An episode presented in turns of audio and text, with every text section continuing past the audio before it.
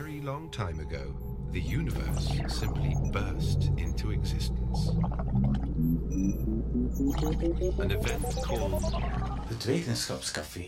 Wetenschap tussen pot en pint. Voor iedereen met een gezonde dorst naar kennis.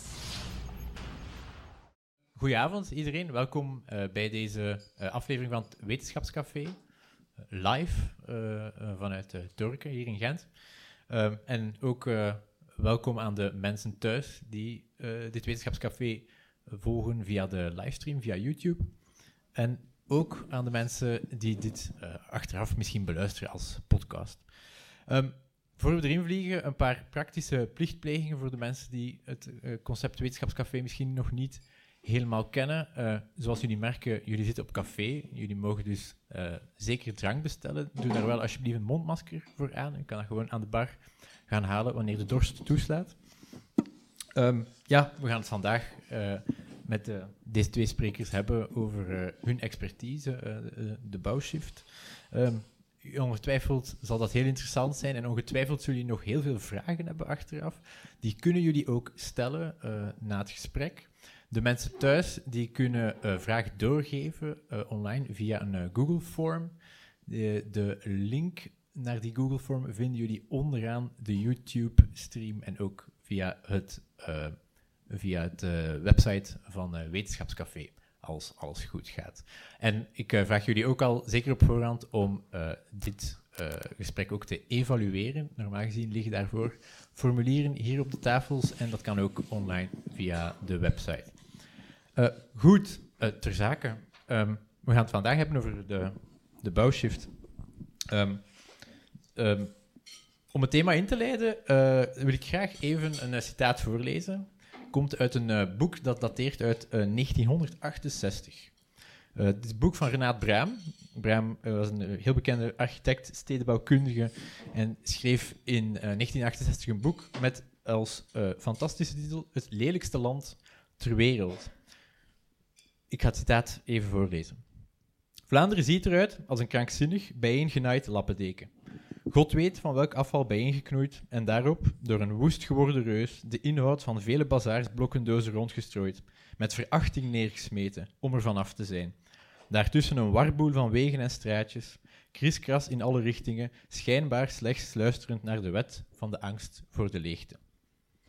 Ehm, in zekere zin zou je kunnen stellen dat de bouwshift een antwoord is op dit boek. Want met die bouwshift, eh, voorheen bekend eh, onder de naam betonstop, eh, wordt het vanaf 2040 onmogelijk om nog te bouwen in de schaarse open ruimte die Vlaanderen nog heeft. Zoals Agalef het in de jaren 80 zei dat we anders moesten gaan leven, moeten we dus, eh, niet alleen binnenkort, maar eigenlijk ook al vandaag, anders gaan bouwen. En we zullen moeten leren om na te denken waar we bouwen. We zullen moeten denk- nadenken over wat we bouwen en ook over eh, met welke materialen we gaan bouwen. En om ons te gidsen in eh, die moeilijke vraagstuk heb ik daarvoor eh, twee eminente experts uitgenodigd. Enfin, ik heb die niet zelf uitgenodigd. Maar ze zijn hier al sinds wel. Aan mijn verste hoek zit Hannelore Groens.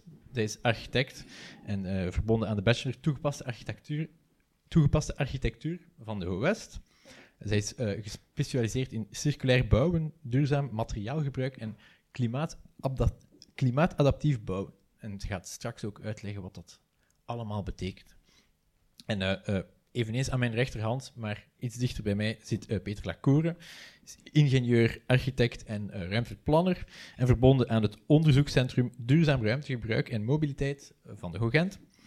Zijn onderzoek spitst zich vooral toe op landgebruik, duurzaam ruimtelijk beleid.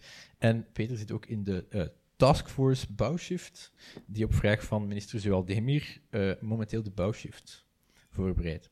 Eh, ik denk dat we misschien met het, de, de basisvraag moeten eh, beginnen. Ja. Bouwshift. Misschien moeten jullie eens proberen kort uit te leggen. Wat is die bouwshift juist? Hoe moeten we dat begrijpen? Jij kan beginnen, Peter.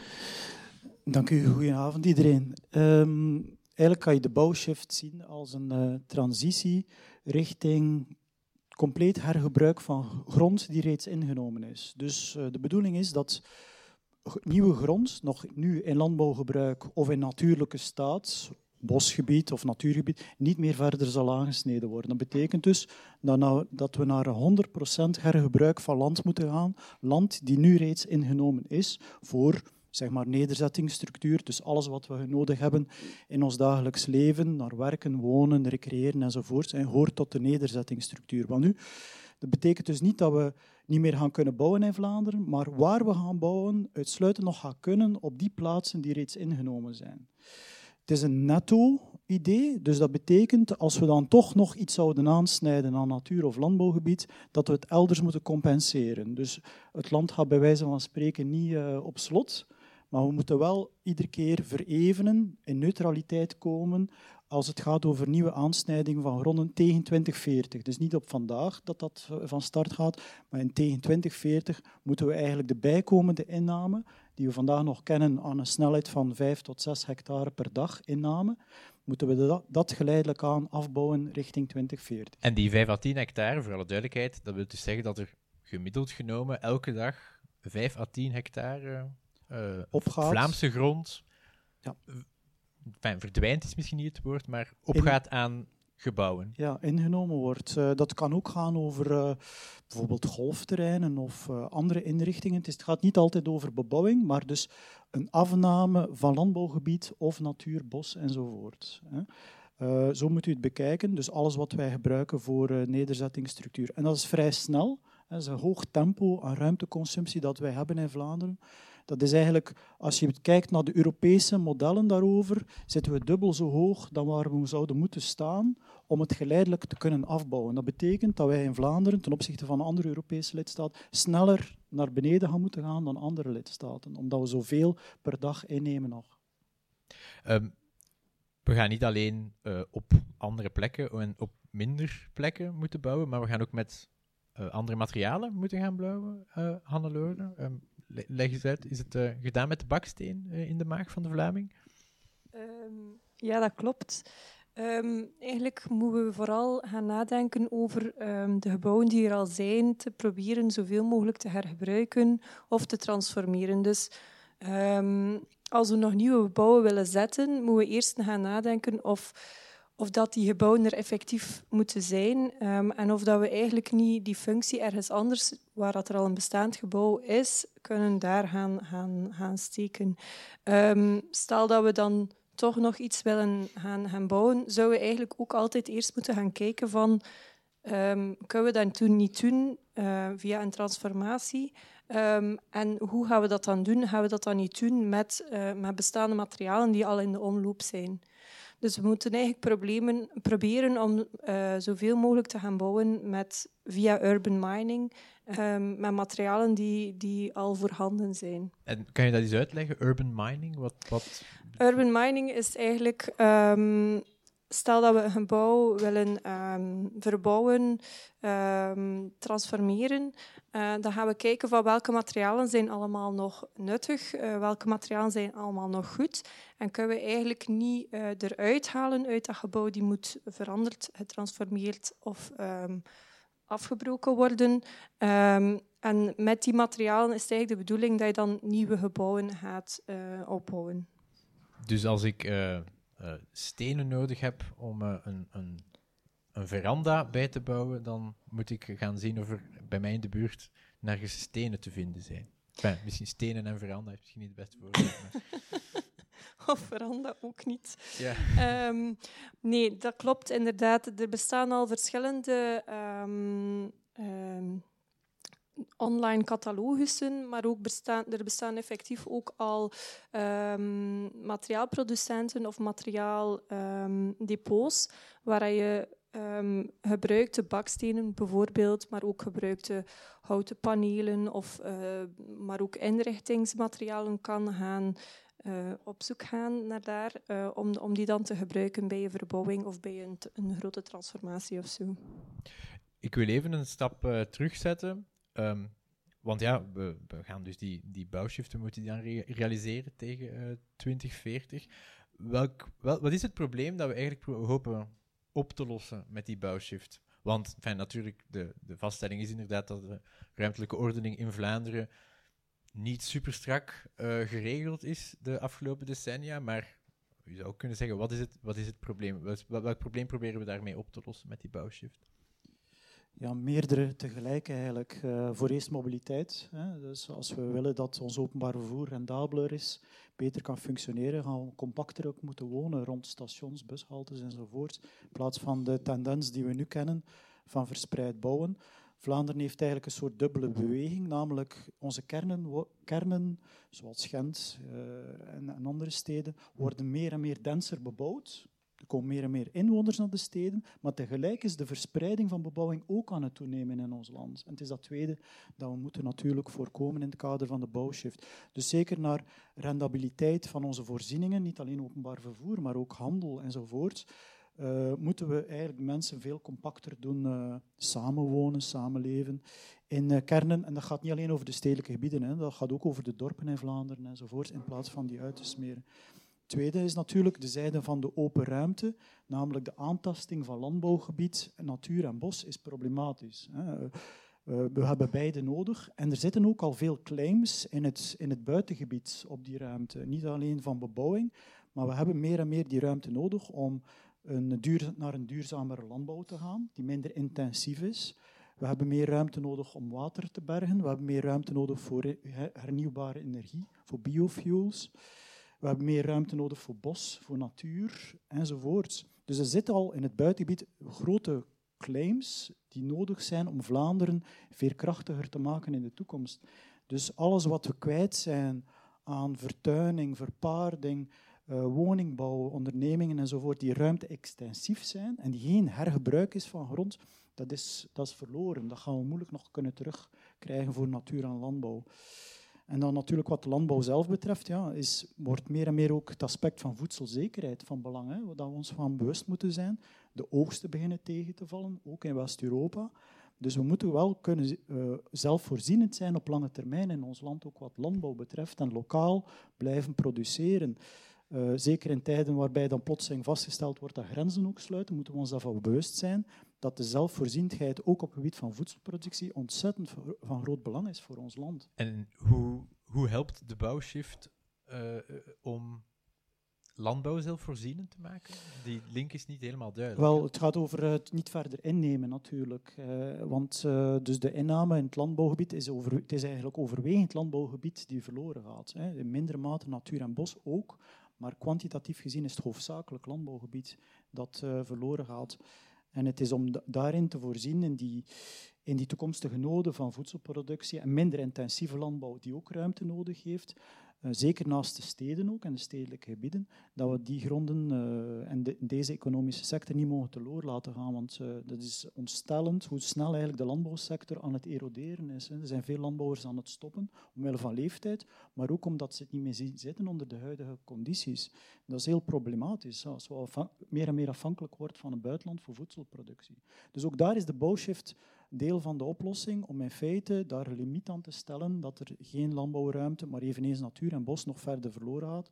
Hetzelfde gaat op voor natuur en bos. Het is al te gek dat we bossen kwijt aan het uh, spelen zijn omwille van uh, bouwontwikkelingen en op andere plaatsen dan aan bosuitbreiding gaan moeten doen. Dat, dat verevent elkaar niet natuurlijk. Die, die bossen die we verloren gaan, hebben een grotere ecologische waarde dan de nieuwe die we nu aan het aanplanten zijn. Dus we hebben een bosuitbreidingsopgave omwille van klimaat, maar we zijn ondertussen in Vlaanderen nog bossen aan het verliezen.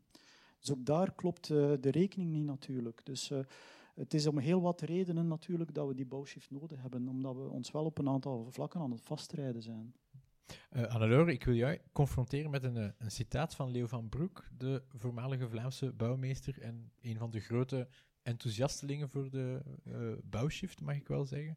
Uh, Leo van Broek gebruikt als boetade heel vaak dat de uitstoot van een gezin dat in een ecologisch passief woning op de buiten woont, groter is dan die van een gezin in een 19e-eeuwse slecht geïsoleerde rijwoning in de stad.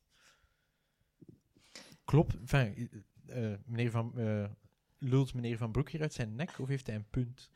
Ik denk dat hij inderdaad een, groot punt heeft. Um, waarom die passieve woning of die heel goed geïsoleerde woning op de buiten, um, die, die mensen hebben een auto nodig.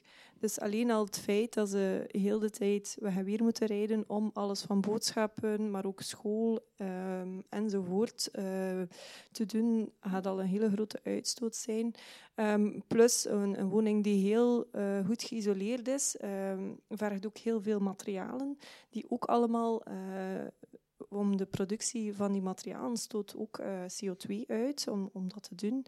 Uh, terwijl een, een 19e eeuwse woning in de stad, um, alles is hier dichtbij, dus de CO2 van de mensen van vervoer en zo zal, zal nagenoeg bijna nul zijn. Um, plus een, een, een, rijwoning bijvoorbeeld is, is, heeft maar twee gevels die moeten die verlies leiden, of drie gevels eigenlijk met dak erbij. Um, die zit, in, in, in, uh, die zit eigenlijk al wat beschut door, door, de, door de buren. Dus um, de berekening zal wel gemaakt geweest zijn, dus, uh, maar dat klopt wel. Um, je hebt veel meer um, uitstoot gewoon door het feit dat je al die materialen daar moet krijgen, daar, die, die moet gebruiken ook in die, in die goed geïsoleerde woning, plus alles van, uh, van, van, van verkeer daar daartoe um, vergt ook heel veel um, uitstoot. Um, Peter, je had het daarnet in enfin, de verschillende problemen die we gaan oplossen, zijn de uh, openbaar vervoer, uh, ruimtegebruik, uh, waterhuishouding had u het ook ja. over. Kan, u even kan je even uitleggen, waterhuishouding, bouwshift, waarom wat heeft dat met ons grondwater te maken? Ja, veel. Dus naast kampioen in uh, de ruimtelijke inname die, die, uh, zijn wij ook kampioen in verharde ruimte in Vlaanderen. Dus qua ruimtelijke inname voor onze nederzettingsstructuur hebben wij een derde van onze Vlaamse regio nodig. Um, om u een idee te geven, het Europese gemiddelde is 5 procent. Dus uh, eh, 33 procent via 5 procent. Dus dat is zeg maar alles wat de, in, dat de inname betreft van nederzetting, structuur. Wel, daar ongeveer nog eens de helft daarvan, dat is verharde ruimte. Dus een 14, 15, 16 procent, daar schommelt het een beetje rond. Je zou zeggen, ja, dat is toch niet zoveel ten opzichte van de totale oppervlakte van Vlaanderen, maar dat creëert zeer veel problemen naar uh, wateroverlast en vooral de snelle afvoer van water uh, in uh, beken, grachten, rivieren, die te snel gaat. Hè. Um, maar alles wat we dus dichtleggen aan grond, ja, moet ook afgevoerd worden. Dus we verliezen aan twee kanten, namelijk we moeten meer en meer afvoeren. En die grond die kan capteren, water kan capteren, gaat ook verloren onder de verharde ruimte.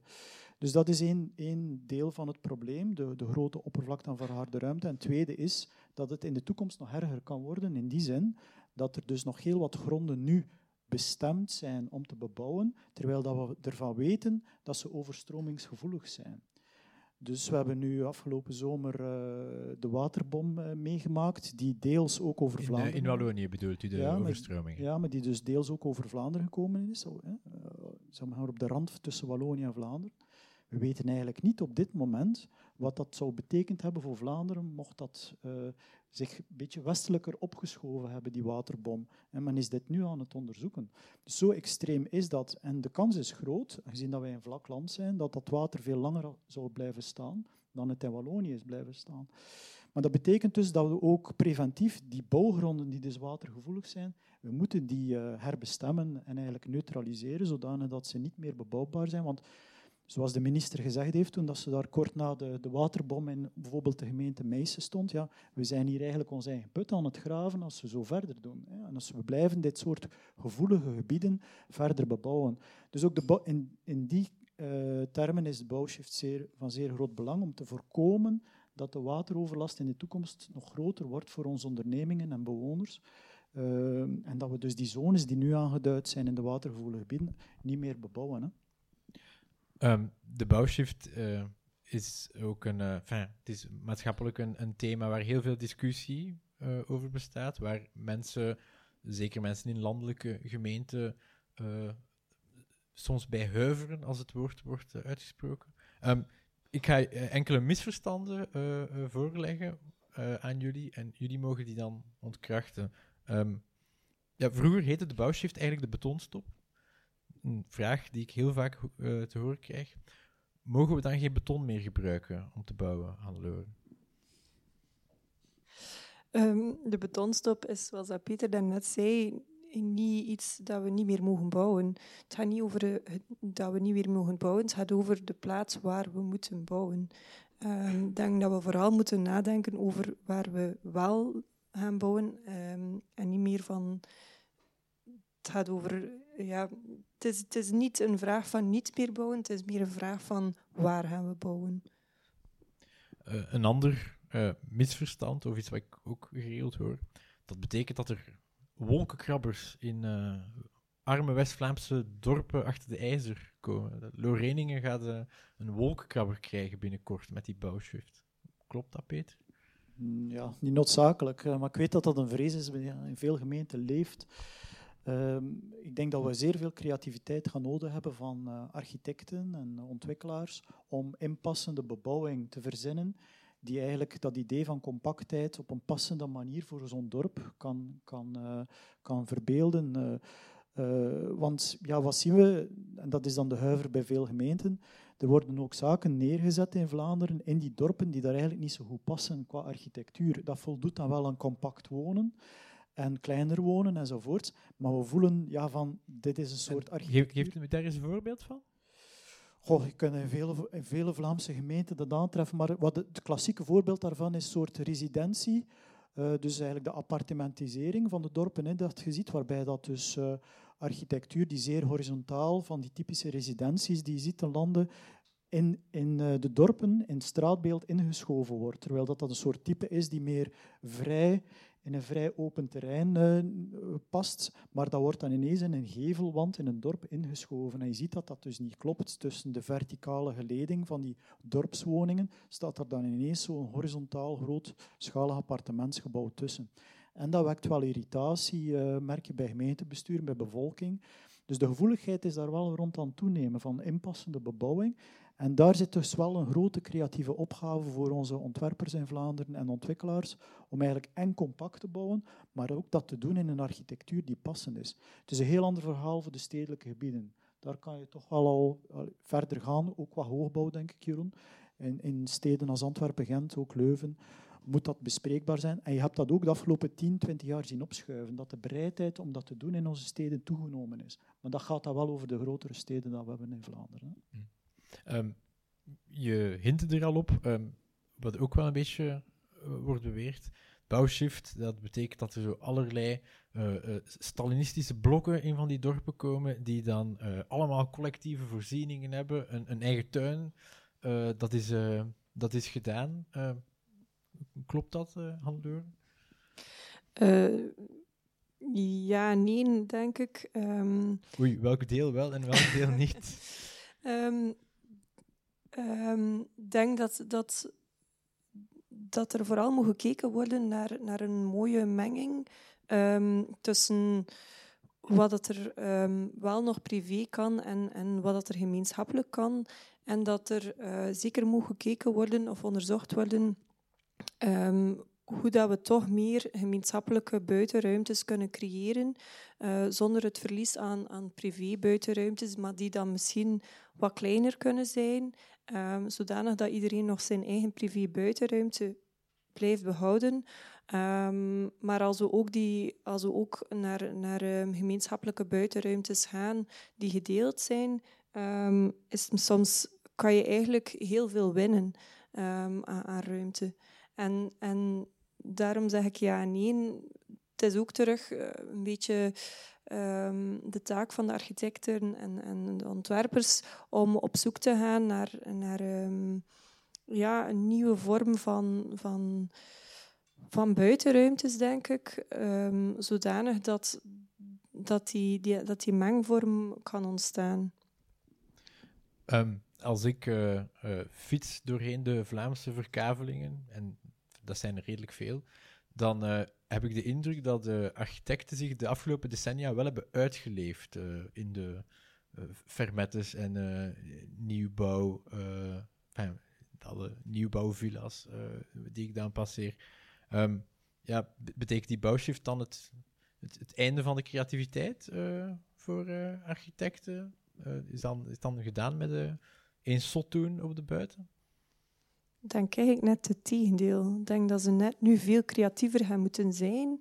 Um, omdat ze met meer voorwaarden gaan, gaan te maken krijgen en dat dan net de creativiteit zal aanwakkeren om, om ja, op een andere manier te gaan bouwen dan, dan dat we gewoon zijn al jaren aan een stuk. Ehm,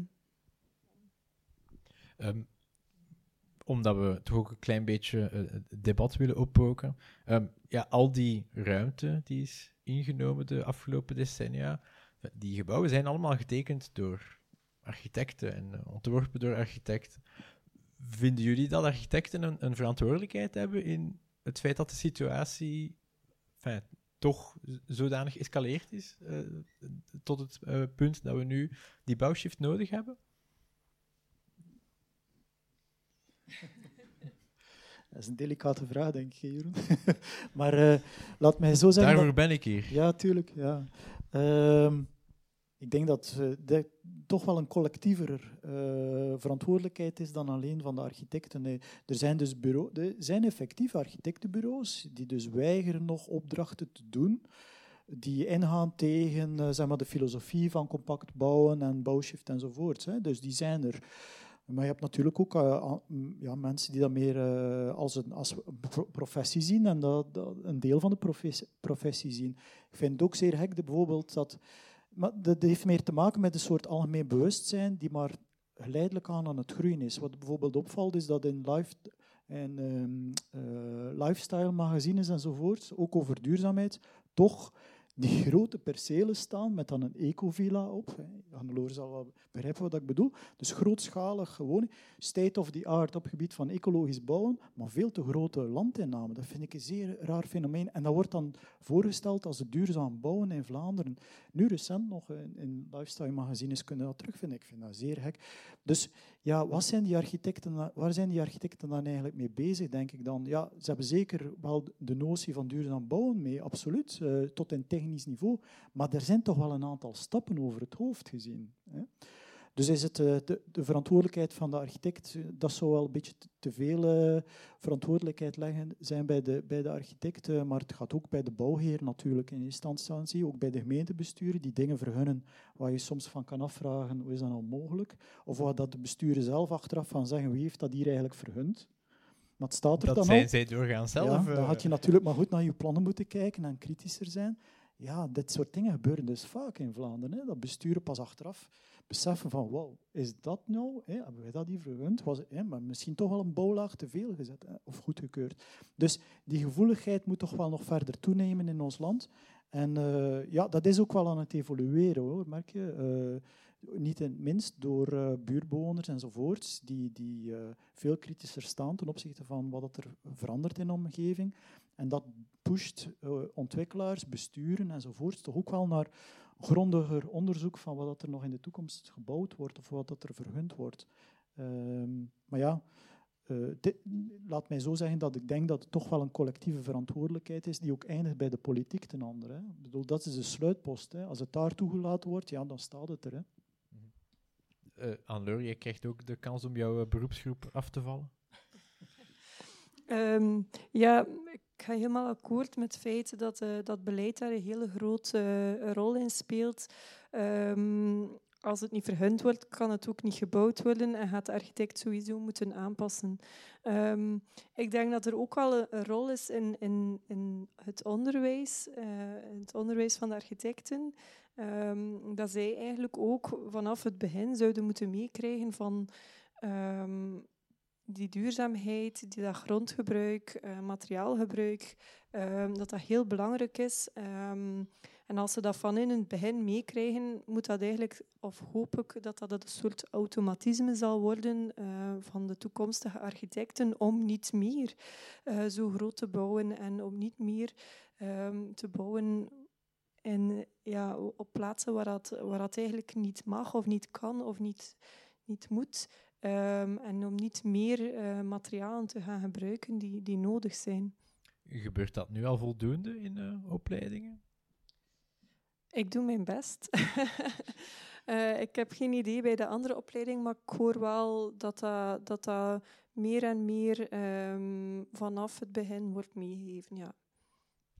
Zijn wij het enige land ter wereld met dit probleem?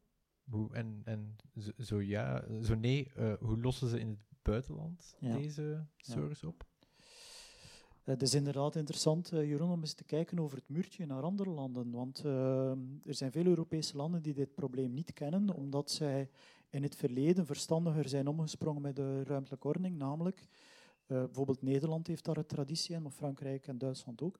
Die, dat zijn landen die maar mondjesmaat extra ontwikkelingszones prijsgeven en ook verlangen dat die onmiddellijk ontwikkeld worden. En die kijken eerst van, is er een demografische behoefte enzovoort, vooraleer dat we dat toezeggen die bouwzone. Wat hebben wij gedaan in België? Dus het is niet alleen een Vlaams probleem, het is trouwens ook een, een Waals probleem. En Wallonië is bezig met eh, le stop béton, heet het daar. Le stop béton, vind mooi woord.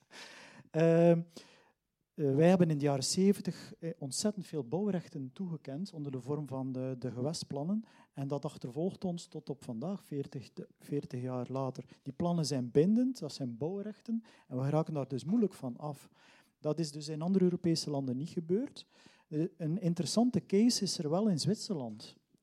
Eh, dat is eigenlijk het meest gelijkende land op dat vlak dat ik kon vinden in het, in het onderzoekswerk dat ik ro- rond het thema verricht. Want eh, Zwitserland heeft eveneens in de jaren 80 ontzettend veel bouwrechten gegeven. En nu is men gaan beseffen ook, eveneens in Zwitserland, dat dat veel schade toebrengt aan het landschap, niet minst in het Alpengebied, dat men eigenlijk nu wil sparen en beseft van ja, we moeten ermee ophouden, want ons prachtig Zwitserse landschap raakt aangetast. Maar wat is het grote verschil? Dus Zwitserland kan die bouwrechten eh, terugschroeven, omdat zij eh, eh, in een wetgeving hebben voorzien om na 15 jaar de bouwrechten te kunnen wijzigen. Eigenlijk die bestemmingszones te kunnen terugschroeven, zonder dat daar voor compensatie aan de eigenaars moet gegeven worden eh, als ze dat doen. Wij hebben een wetgeving gecreëerd in de jaren 60 die voorziet in compensatie. Dus het kost ons handenvol geld om die eigenaars nu te compenseren, te vergoeden. In Zwitserland is de redenering geweest, als u als eigenaar na 15 jaar nog altijd niet gebouwd hebt, dan behoudt de overheid zich het recht voor om die bouwrechten terug te nemen, want u hebt ze niet gebruikt. En er wordt geen compensatie toegekend. Dus wat doet de, de Zwitserse overheid? Zij is ook eveneens, net als wij, ons beleid aan het aanpassen. Spaarzaamheid van land, het sparen van de Alpen, Alpgebieden. En die, de, de, de Zwitserse kantons geven dus opdracht aan de gemeenten om die bouwrechten te herzien. En in de meeste gevallen is dat zonder compensatie, omdat die plannen al meer dan 15 jaar oud zijn. Dus de Zwitsers hebben daar ja, grondiger toch meer op lange termijn over nagedacht dan wij. Wij vinden het eigendomsrecht essentieel, maar dat betekent dat daar een groot prijskaartje aan vasthangt natuurlijk. Hè. Hannelore, ik ga jou eh, confronteren met een, eh, een, een vreemd citaat eh, voor een architect. En het komt van jou. Ehm, het- is doorgaans beter niet te bouwen dan wel te bouwen. Met, met zulke architecten, ja, ik weet niet. Waarom zou ik met zo- zo'n architect in zee gaan? Kan, kan je uitleggen wat je daarmee bedoelt? Eh, ja, en dat is eigenlijk niet mijn citaat, dat is eh, een citaat van eh, Rest. Ehm, architecten, eh, restarchitecten hebben een heel interessante studie gedaan en daar ook een boek van gepubliceerd over het niet bouwen.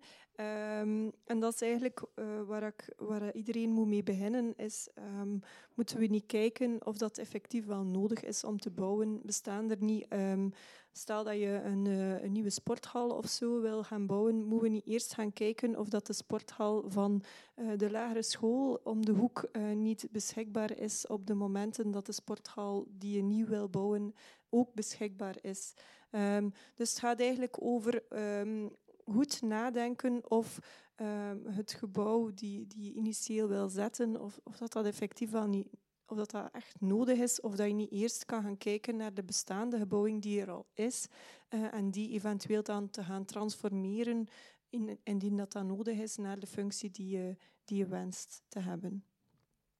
Ehm, wat, het gaat vaak ook over eh, herbestemming van eh, gebouwen. Hier in de buurt staan redelijk wat oude eh, fabriekspanden eh, die momenteel niet meer eh, gebruikt worden. Enfin, is, valt dat wettelijk gezien mee? Enfin, zijn er hoge wettelijke ehm, barrières om daarmee aan de slag te gaan? Is, dat momenteel enfin, is, is dat moeilijk om te doen?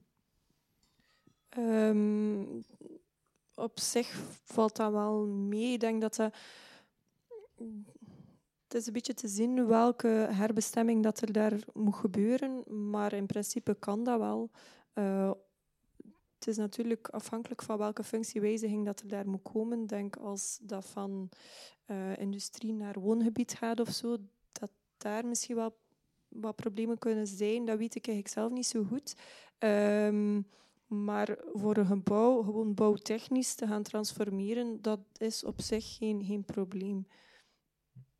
Uh, Peter, we zijn jou al een, een, hele tijd aan het irriteren, denk ik. Um, want het uh, gaat bijna uitsluitend over woongebieden. Hè? wanneer we het over de bouwshift praten. dat is een van jouw grote irritaties. irritaties niet, maar wel een stokpaardje van mij. Als het gaat over de bouwshift. Want het debat over de bouwshift die nu al enkele jaren bezig is in Vlaanderen. En, dat is ook goed dat dat gebeurt. Hè. Uh, gaat eigenlijk uitsluitend over de woongebieden, terwijl dat de problematiek ruimer is dan dat. het, gaat in feite ook over de uh, inname van ruimte in landbouwgebied, de industriële ontwikkeling, de ontwikkeling van de havens enzovoort, moeten we ook mee in rekening brengen.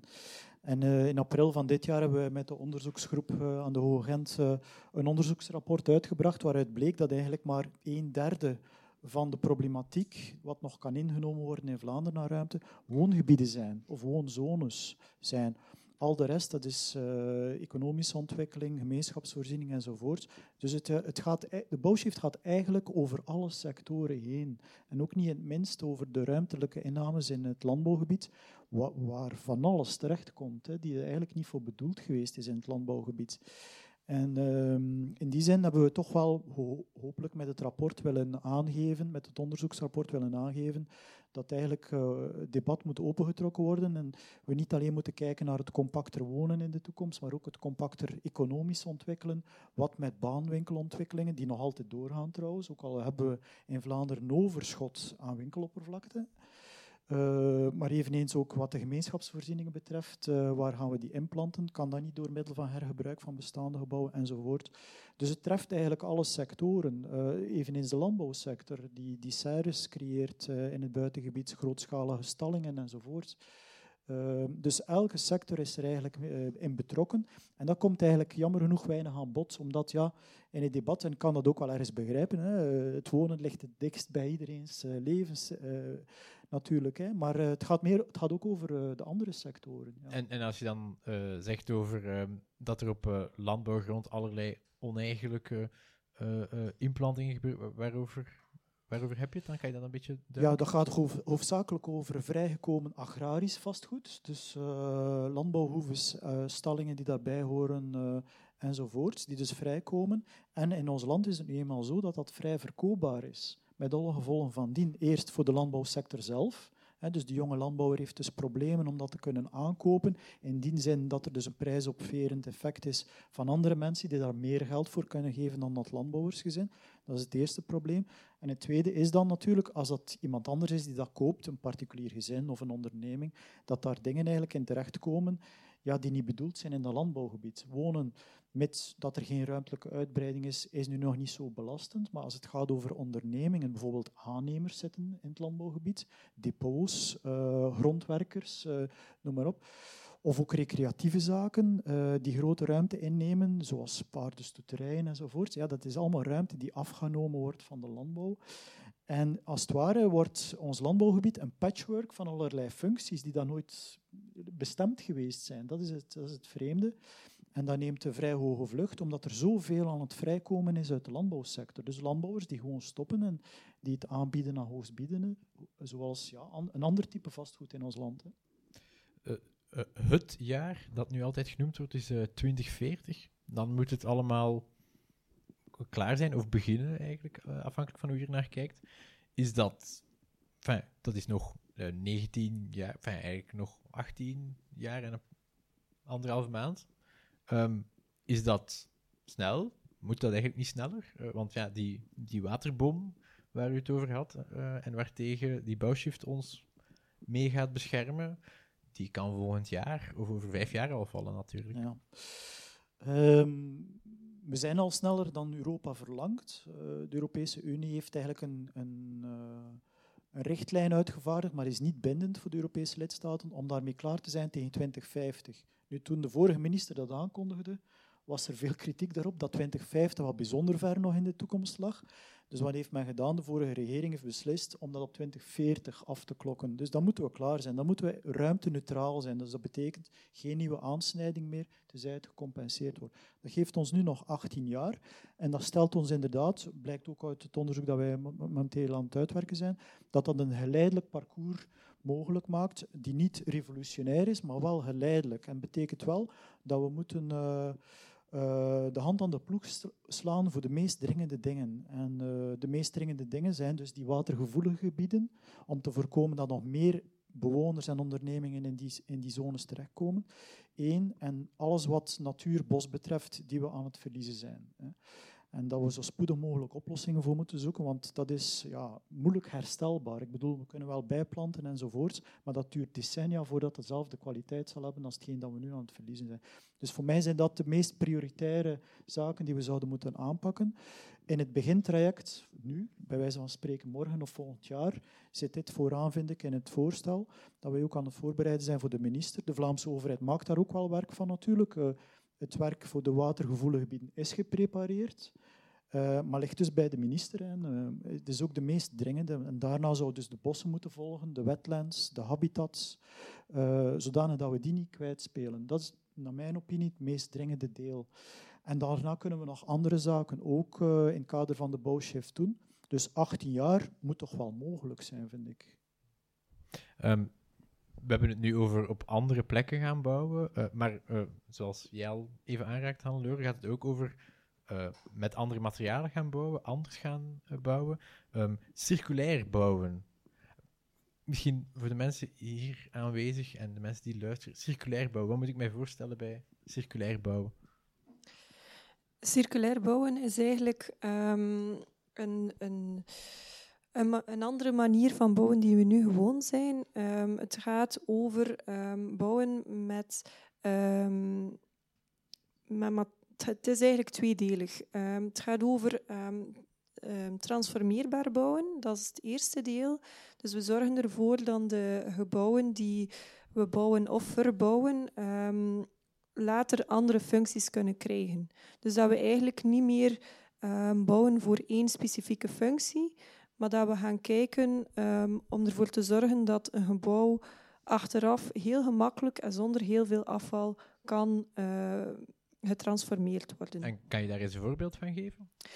Um, ja, een, een heel bekend voorbeeld uh, van circulair bouwen is modulair bouwen. Dus dat je eigenlijk met, met, um, met modules gaat werken die bijvoorbeeld ervoor zorgen dat je gemakkelijk kan uitbreiden en inbreiden van een gebouw. Een ander heel bekend voorbeeld is, voorbeeld is, is zorgen dat je met demontabele wanden bijvoorbeeld werkt, waardoor dat je een, een, een, een ruimte heel gemakkelijk kan um, terug groter maken of kleiner maken. Dus dat zijn twee um, uh, simpele voorbeelden eigenlijk om, om die transformeerbare gebouwen te illustreren. Het tweede deel uh, van circulair bouwen is uh, niet enkel transformeerbaar bouwen, maar ook bouwen met materialen die, die er al zijn. Dus dat is die urban mining waar ik het daarnet in het begin over had, dat we eigenlijk moeten telkens als we een, een gebouw gaan transformeren of verbouwen, dat we dat ook proberen te doen met de materialen die al in, in de, in, aan, in de omloop zijn.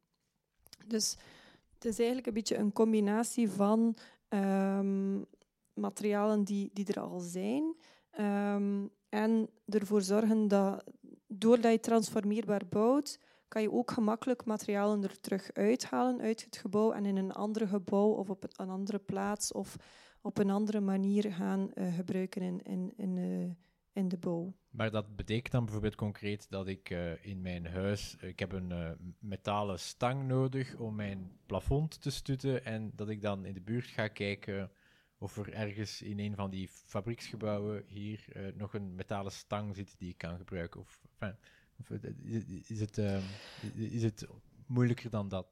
Uh, het is iets moeilijker dan dat. Um, maar simpel gezegd komt het daar wel op neer. Stel dat je een verbouwing wilt doen, uh, je hebt een, uh, een, een, metalen profiel nodig, dan zou je eigenlijk kunnen gaan kijken van... Um, ligt er hier ergens een metalen profiel die voldoet aan waar ik, waar ik nood aan heb, um, ergens in een, in een logistieke depot of zo, of zal het er binnenkort ergens bij uh, in die um, industriële panden die gaan verbouwd worden, um, komen er daar vrij en kan ik dat dan gebruiken in mijn verbouwing. In, in Nederland bestaat er zoiets als een oogstkaart. Hè? Ja, uh, klopt. Ja, kan, kan, je eens uitleggen wat, wat er dan geoogst wordt? Um, Klopt, dat is uh, de oogstkaart. Dat is eigenlijk een kaart die ontwikkeld is geweest door een architectenbureau die al heel lang bezig is met circulair bouwen. Uh, dat is Superuse Studios. En die hebben een kaart ontwikkeld, eigenlijk in, in, in het begin vooral voor zichzelf, omdat zij werken met materialen uit, uh, uit gebouwen die, die afgebroken worden. Um, en zij hebben eigenlijk um, een overzicht gemaakt. Um, van alle materialen die vrijgekomen of vrijgekomen zijn um, in Nederland. En dat is eigenlijk een, een, uh, ja, een overzicht eigenlijk om, om architecten een beetje een, uh, een houvast te geven om met die urban mining aan de slag te gaan. Het is een soort kringloopwinkel voor architecten eigenlijk. Uh, ja, dat is de in principe is dat, is dat een beetje een, wat dat we, waar we naartoe zouden moeten kunnen gaan. Um, dat we in plaats van in iedere gemeente is er wel een kringloopwinkel voor, uh, voor meubilair en voor, voor kledij en zo. Maar er zou eigenlijk ook in iedere gemeente moeten een, uh, ja, een kringloopwinkel zijn voor bouwmaterialen. Uh, dat kan gaan van lampen naar schakelaars, naar um, deuren, maar ook naar bakstenen, naar dakpannen enzovoort. Peter, ik moet de, de Vlaamse grondstroomvraag ook stellen. Die bouwshift, gaat dat ervoor zorgen dat het allemaal duurder wordt? Bouwen en wonen. Ja, het is natuurlijk zo dat uh, uh, de grondkost een deel is van de totale kost van een woning, hè? Uh, of van de bouw van een onderneming en dergelijke.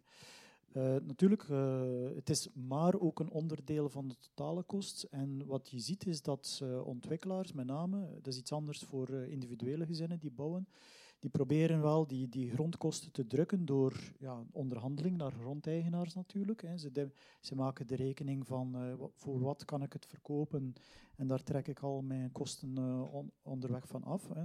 En wat er overschiet is wat ze kunnen bieden aan de grondeigenaar, want grond is eigenlijk de meest samendrukbare factor in de totale bouwkost.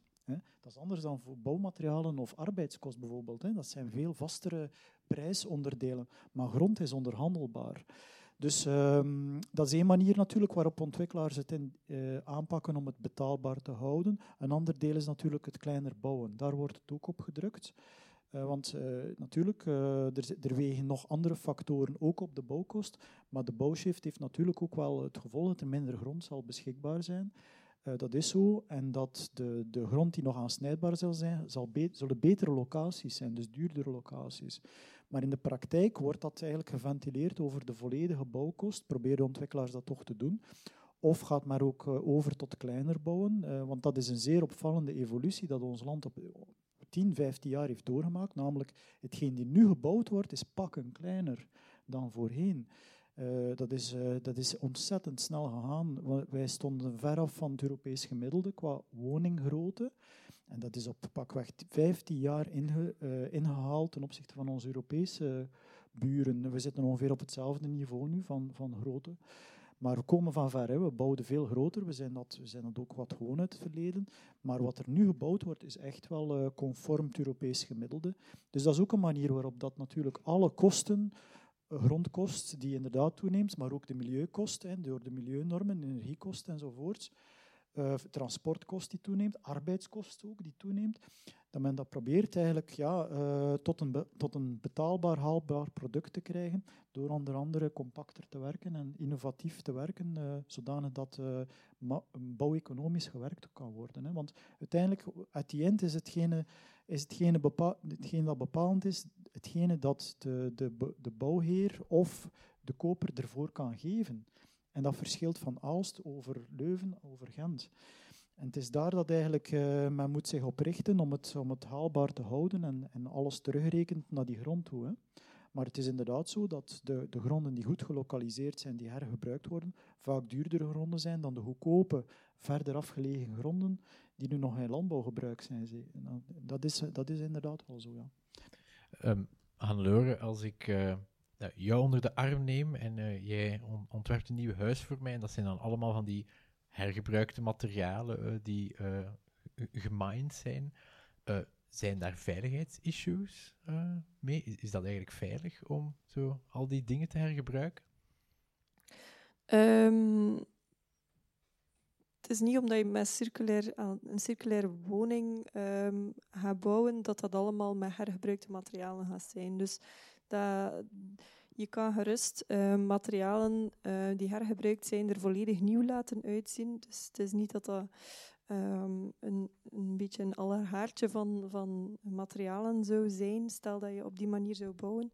Um, dat wil ik even rechtzetten. um, om op je vraag te antwoorden. Op dit moment is dat eigenlijk nog een probleem. Um, dus ze zijn volop bezig um, met uh, op zoek te gaan om nieuwe certificeringen uh, enzovoort, of nieuwe methodes om hergebruikte materialen te kunnen laten certificeren. Dat klopt dat er daar bijvoorbeeld, stel dat je met een stalen kolom of een stalen ligger wil werken, die, die vanuit een ander gebouw komt, dat die eigenlijk helemaal opnieuw moet um, getest worden. Um, stel dat, dat, dat die moet gebruikt worden in bijvoorbeeld een openbare aanbesteding. Bij privéwoningen is dat minder een probleem, omdat dat dan um, eigenlijk op, op uh, ja, de architect zijn verantwoordelijkheid is uh, en ook de bouwheer. Maar bijvoorbeeld bij openbare aanbestedingen zo of zo uh, moet dat opnieuw gedaan worden en dat kost dan ook geld. Um, bij andere zaken, bijvoorbeeld bij, bij gewone binnendeuren of zo, is dat op zich geen probleem. Maar stel dat dat dan wel een branddeur is, is dat dan terug wel een probleem en moet dat effectief ook terug opnieuw getest worden. Dus daar zijn er um, op vlak van regelgeving wel nog wat, wat zaken die moeten uh, opgelost worden. Uh, ik weet niet in welke mate uh, mensen hier aanwezig zich dit jaar op de woningmarkt in Gent hebben begeven. Maar de prijzen in Gent, maar ook in Leuven en ook in Antwerpen zijn pittig en uh, worden steeds pittiger. Als ik nu hoor met die bouwshift, dat gaat gewoon allemaal nog erger worden, Peter. Wat, wat, wat ga je proberen doen jullie beetje, ons aan? Ik ga je proberen een beetje gerust te stellen. dus de om het even over de verhoudingen te hebben. Eh, dus er wordt inderdaad eh, in het kader van de bouwshift grond uh, onbruikbaar gemaakt voor ontwikkeling, hè, voor woningbouw enzovoort. Voor de woningbouw betekent dat een krimp met 7% van wat er bestemd is in ons land. 7% moet er eigenlijk uit om goed te zijn, om, om de doelstelling te bereiken tegen 2040. Dus er blijft nog 93% aan oppervlakte waarbinnen we kunnen verder ontwikkelen ten opzichte van wat er eind jaren 70 1980 gekozen is aan bestemmingen in ons land. Dus gaat die 7% veel uitmaken? Uh, misschien beperkt, maar we moeten dat toch wel relativeren, omdat ja, eh, beperkt is in omvang, één. En twee, de ligging van die gronden is niet zo bijster goed. De beste locaties zijn al lang ingenomen in ons land. Uh, het gaat over grootschalige terreinen die op minder goed gelegen uh, posities zitten. Niet in het minst bijvoorbeeld in Limburg, uh, terwijl dat het, de demografische groei in de steden zit en niet in uh, de uithoeken van Vlaanderen. is dus, Limburg een uithoek van Vlaanderen? Wel, delen ervan, ja. Delen van. Er zit wel groei in, in het stedelijk gebied, Hasselt-Genk trouwens. Maar er zijn veel gemeenten in het Limburgse die dus nog grotere oppervlaktes aan reserves hebben dan dat stedelijk gebied, Hasselt-Genk. Die gemeenten hebben dat helemaal niet nodig, demografisch gezien. Dus neemt je die voorraad weg, gaat dat uh, de, de, de grondprijs erg doen opdrijven? Dat is maar de vraag als er zo weinig behoefte is in dit soort gemeenten. Ik, uh, ik, verwijs nu naar Limburg, omdat daar wel uh, de problematiek het scherpst is. Dus de verhouding tussen demografische nood versus voorraad is daar eigenlijk meest extreem. Het is helemaal anders in West-Vlaanderen. West-Vlaanderen heeft niet meer zoveel voorraad en ja, en zeker de Westhoek, beperkte demografische groei tot status quo. Uh, maar daar is ook niet te veel nog in overaanbod. Limburg is dat wel zo. En bovendien zijn die terreinen in Limburg dan ook nog van hoge natuurlijke waarde vaak. Dus bos dat we nog dreigen te ver, verliezen, zit voor een groot deel daar. Dus Limburg is echt een focus voor de bouwshift. -hmm. um, ja, we hadden het er net al over, over 18 jaar en anderhalve maand. Uh, is het zover? Wat zijn de, enfin, wat zijn de, de voornaamste praktische uh, obstakels waar we nu nog voor staan? Uh, misschien als het dan over modulair bouwen gaat, wat zijn de, praktische problemen die, die jullie nog ehm, tegenkomen? Het meest praktische probleem bij um, de, naar, naar het circulair bouwen gaan is eigenlijk de logistiek. en alles in kaart brengen. Op zich, het transformeerbaar bouwen is geen probleem. dat is kwestie van uh, architecturale creativiteit en op zoek gaan naar uh, hoe kan je op een andere manier gaan um, bouwknopen in elkaar steken en zo. Dus daar zie ik niet echt een probleem, maar het gaat vooral over de urban mining. Hoe ga je alles in kaart brengen? Hoe ga je alles logistiek gaan um, organiseren? Hoe ga je bijvoorbeeld ervoor zorgen dat je weet um, welke materialen wanneer vrijkomen en welke staat dat ze zijn. Uh, en daar zie ik, um, daar heb je eigenlijk als oplossing de materials passport. Dus aan elk materiaal geef je een paspoort, waar dat er um, op, op, staat van welk materiaal het is, van welke producent het is, hoe lang het meegaat, welke milieu-impact het geeft enzovoort.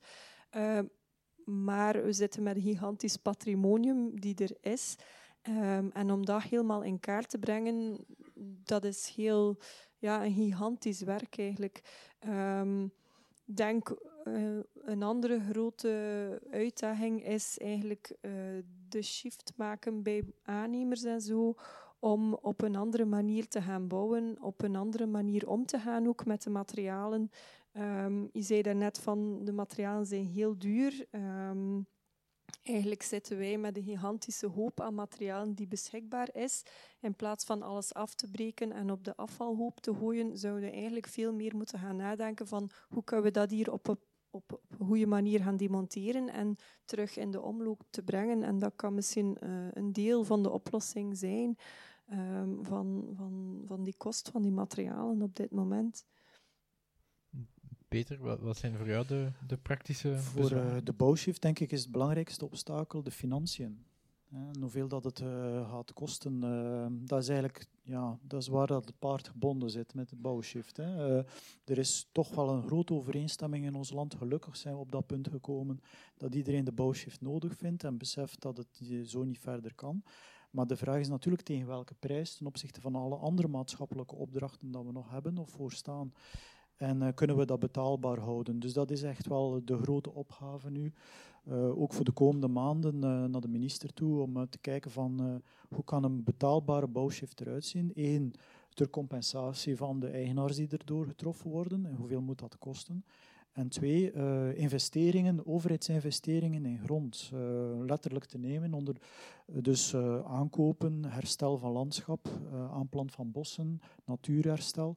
We hebben in Vlaanderen niet zo'n traditie, het gebeurt, maar niet voldoende, maar we hebben niet zo'n traditie in Vlaanderen om te investeren in ruimte. we denken dat alles kan opgelost worden door de individuele gezinnen, de ondernemingen, de markt zal het wel oplossen, maar ja, de bouwshift, de klimaatstrijd enzovoort, gaan we niet opgelost krijgen enkel op die manier. We gaan echt ook moeten vanuit de overheid zwaar investeren in de ruimte om Vlaanderen uh, resistent te maken tegen uh, klimaatverandering, uh, watersnood enzovoort, zodanig dat we dit soort schokken kunnen opvangen. En dat, dat gaat geld kosten, maar het is wel belangrijk dat we het doen. Doen we het niet, gaan we achteraf met meer kosten zitten. Hè, aan schadekosten, aan herstelkosten. Dat wordt vaak niet bij stilgestaan. Hè. Wordt korte termijn denken, zeg maar. Ja, het kost nu zoveel. Dat is wel zo, maar we besparen ons veel miserie later natuurlijk. Hè. Hetzelfde wat de rioleringen betreft bijvoorbeeld. Uh, daar, zijn ook, daar is ook studiewerk rond verricht door de KU Leuven. Ja, als wij dus nog al die verspreide bebouwing die er kan bijkomen moeten aansluiten, ja, dan kost ons dat dus dubbel zoveel als, uh, als we de, ten opzichte van het uitvoeren van de bouwshift. Dus die bouwshift bespaart ook veel rioleringskosten. Dus er zijn een aantal ehm, eh, kosten die wij op die ons uh, samen in Vlaanderen kunnen besparen, ook met de, met de bouwshift. Dat is ook, dat is ook een, een gegeven. Maar ehm, ja, de, de, de, de financiën wordt het belangrijkste obstakel voor de bouwshift, denk ik. En bespeurt u bij de gemiddelde uh, burgemeester van uh, uh, gemeenten te landen al veel enthousiasme om aan hun burgers te gaan uitleggen dat het zo niet verder kan? Ja, wel, dat zal u verrassen, maar ik vind toch wel dat dat aan het evolueren is op lokaal niveau. Ik ga niet zeggen dat dat voor de 300 gemeenten het geval is, want we hebben er veel in Vlaanderen. Dus ze zijn meer en meer aan het fuseren, daar niet van. Maar goed, we hebben nog altijd 300 gemeenten in Vlaanderen. En uh, je merkt toch wel dat er een algemene consensus ook op lokaal niveau is om het te doen. Maar hun grootste bezorgdheid van die burgemeesters is die ook opnieuw die betaalbaarheid. Hè. Uh, als het gaat over een beperkt budget dat het zou kosten aan compensatie aan grondeigenaars, is de bereidheid vrij hoog om het te doen, is mijn indruk althans. En er zijn een aantal voorbeelden van hier in Oost-Vlaanderen, gemeenten die er effectief mee bezig zijn. Gemeenten als uh, Haveren, Merelbeke, Everhem zijn nu bouwgronden aan het, aan het schrappen. Hè. En voorzien ook uit gemeentelijke begroting geld ter compensatie van die grondeigenaars. Dat is op dit moment redelijk uniek in Vlaanderen. Maar dus hier rond het Gentse zijn er uh, burgemeesters mee bezig. Ik denk dat dat ook een uh, sneeuwbaleffect kan hebben naar andere burgemeesters toe. Maar het moet wel betaalbaar blijven, dat is duidelijk. Want ja, als het uh, in de miljoenen loopt en ze moeten de keuze maken tussen extra kinderopvang ten opzichte van die eigenaars uitbetalen, waardoor dat je eigenlijk op het terrein niks aan wijziging hebt gezien, maar veel van de gemeentelijke kas hebt verlo daaraan verloren. Dat zijn toch wel moeilijke keuzes. Uh, een ander element die ook, is mijn indruk, sterk werkt op het lokaal niveau, dat is dat, de, dat er geen bereidheid meer is, vooral in de dorpen, bij de bestaande bewoners, dat, dat er nog veel bijgebouwd wordt. Dus die burgemeesters zijn ook uh, onder druk aan het komen door hun zittende bewoners, als ik het zo mag noemen die zeggen van ja, we willen niet dat dat dorp hier verder groeit of dat er grootschalige projecten bijkomen in woonuitbreidingsgebied. En dus uh, ja, sommige burgemeesters uh, kijken een beetje de kat uit de boom van wat gaat Vlaanderen doen. En anderen ondernemen werkelijk actie, zoals de gemeenten die ik op, heb opgesomd. En die hebben, uh, die hebben daar een groot draagvlak voor bij bewoners. Meer nog, zij ontvangen positieve bezwaarschriften. Dat is vrij uniek in de wereld van de ruimtelijke ordening. Positieve bezwaarschriften. Dus dat betekent buurbewoners die eigenlijk uh, een, uh, een bezwaarschrift tijdens de openbare procedure indienen om te zeggen ik steun de keuze van het bestuur. Dus dat is wel opvallend. Dat dus vanuit uh, ja, een zeker NIMBY-effect natuurlijk, en dat in mijn backyard, dat, dat dat wel helpt voor de bouwshift. Dat is dus ook wel, vind ik, een vrij eigenaardige vaststelling. Ja, er zijn vooral in de dorpen bewoners die dat eigenlijk niet willen, dat er nog bijgebouwd wordt. Hè. En, en, burgemeesters die bijgevolg voelen van mijn bevolking, mijn kiezers zijn er klaar voor, ik ga het doen. En ik ga jullie nog een laatste vraag stellen voor ik uh, uh, de mensen in de zaal en de mensen thuis ook de kans geef om een vraag te stellen. Uh, als we vooruitspoelen, niet naar 2040, maar het jaar 2068, dan zal het 100 jaar geleden zijn dat uh, uh, meneer Braam zijn boek over het lelijkste land ter wereld heeft geschreven. Hoe stellen jullie dat voor als ik dan rondfiets in uh, 2068 en ik kijk rond? Ziet Vlaanderen er dan fundamenteel anders uit als nu? van, die, die, van die verrommeling, die, die, die blokkendozen die lukraak door een reus overal lukraak zijn neergegooid, is dat dan weg? Ja, moeilijk te voorspellen. Um, ik hoop het, maar ik denk het niet. Als ik dan eventjes uh, ook uh, kan op ingaan, Jeroen. Wat, wat ik denk is, uh, de wereld stopt niet met draaien voorbij 2040. Dus de eerste goal, de eerste target zeg maar nu, voor ons land moet zijn op het gebied van ruimtelijke ordening dat punt van ruimteneutraliteit bereiken. Dus de afbouw van, van die innames nog. Maar dan, na 2040, of liefst zelfs ook nog ervoor als het even kan, komen we in een ander systeem terecht. Uh, en uh, dat is er een van uh, compensatie, ruimtelijke compensatie en afbraak. En ik denk dat dus eigenlijk rond 2040, of liefst nog ervoor ook, dus afbraak en landschapsherstel heel belangrijk wordt.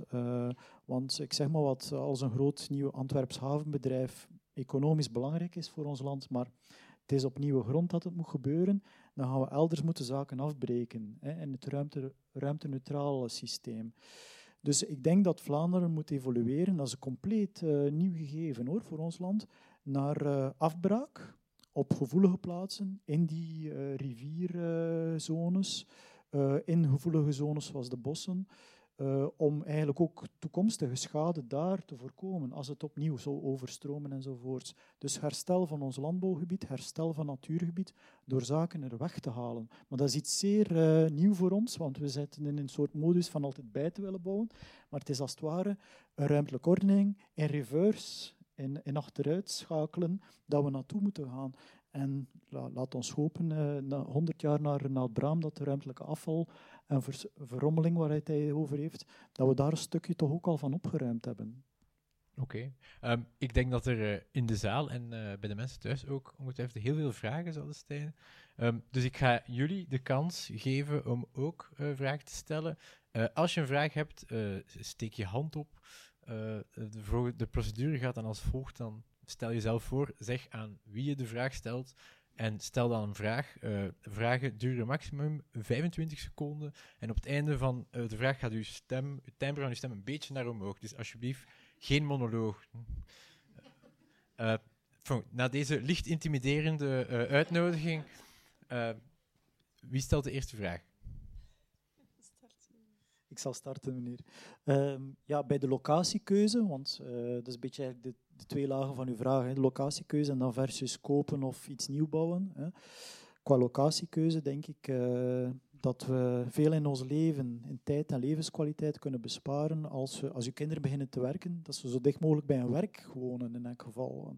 Als we zien hoeveel tijd het kost gemiddeld aan de Belg om uh, op zijn werk of haar werk te geraken, dat is fenomenaal. Wat dat ons dat aan tijdsverlies betekent in ons leven en dingen die we andere, waar we eigenlijk andere dingen kunnen doen die nuttiger zijn en aangenamer zijn. Dus dat zou mijn eerste tip zijn. Ik geef die ook mee aan mijn eigen kinderen trouwens ook, die tips meneer. Uh, dus zo dicht mogelijk bij, bij uw uh, werk en voorzieningen. Uh, en een beetje terugkomend op wat Jeroen ook zegt, het nadeel is natuurlijk, en dat is heel spijtig, dat natuurlijk de beste locaties ook de duurste zijn in dat opzicht. Hè. Uh, wonen in Gent, Leuven enzovoort. Het, het is verdorie duur. Hè. Uh, dus zeker voor jonge mensen ze, ze, zijn niet te benijden dat, uh, dat ze nu moeten een woning zoeken. Het is veel moeilijker geworden dan twintig jaar geleden, dus absoluut. Dus het kost meer, daar moet ook iets aan gedaan worden. Daar, daar zou ook fiscaal veel aan, kan aan kunnen gebeuren, want nu zitten we in een omgekeerd systeem. Die, die stelt dat waar dat we willen dat de mensen wonen, het fiscaal duurder is. Allee, dat klopt eigenlijk van geen kanten. Maar goed, dat, dat terzijde. In ieder geval, ik denk uh, dat wel dat uh, als je de rekening maakt van die duurdere woningen in het stedelijk gebied, dat daar wel veel tegenover staat. Anderzijds dat u kan u zich besparen. Dat wel in tijd en levenskwaliteit, maar ook in kosten. Misschien hebt u dan geen wagen meer nodig of minder nodig. Kunt u die deelwagen gebruiken, zoals hier in het Gens ook bestaat. Dus, maar wordt die rekening door elk gezin gemaakt? Eigenlijk uh, vraag ik mij dat af, uh, wie dat, dat doet. Uh, ik denk niet zoveel mensen dat doen, terwijl dat eigenlijk ontzettend belangrijk is, zodat je daarbij stilstaat. Want zeker de Belg verhuist niet zoveel hè, in zijn leven of haar leven. ik hoorde gisteren dat, dat, gemiddeld, dat, dat een Belg gemiddeld 50 jaar van zijn of haar leven woont in dezelfde gemeente. 50 jaar, zo hongvast zijn we dus. Maar denk dan goed na waar dat u wil wonen, zou ik zeggen, als u op een cruciaal moment in uw leven, de jonge starter wordt dat genoemd, hè, dat is een jonge starter dat u beschrijft, hè, voor die keuze staat. Want uh, plotseling komt daar een hele rekening met plussen en minnen bij, dat weinig jonge mensen maken. En het is wel de moeite om dat een keer te doen, uh, maar waar dat dan alles in zegt. Hè. Ik bedoel, mobiliteit, tijd dat u kost enzovoort. En ja, die duurdere woning, maar misschien is hij toch wel competitief ten opzichte van de andere kosten dat u hebt in de verkaveling in het buitengebied. Uh, dus neem zeker alles in rekening. Zou mijn persoonlijke advies zijn naar uw kinderen toe qua locatiekeuze. Terwille, terwille van de mensen thuis ga ik nog even uh, kort schetsen dat de vraag er dus over ging. Ehm, de meneer vraagt wat u aanraadt aan zijn kinderen die weldra gaan studeren of binnenkort gedaan zijn met die nu aan het studeren zijn. En ze moeten uh, binnenkort uh, kiezen waar ze gaan wonen. En nu gaat uh, Hannelore ook haar levenservaring en delen met de meneer. Um, het is natuurlijk een beetje aansluitend aan wat Pieter zei, is inderdaad in een kern wonen. Ik denk dat dat het belangrijkste is.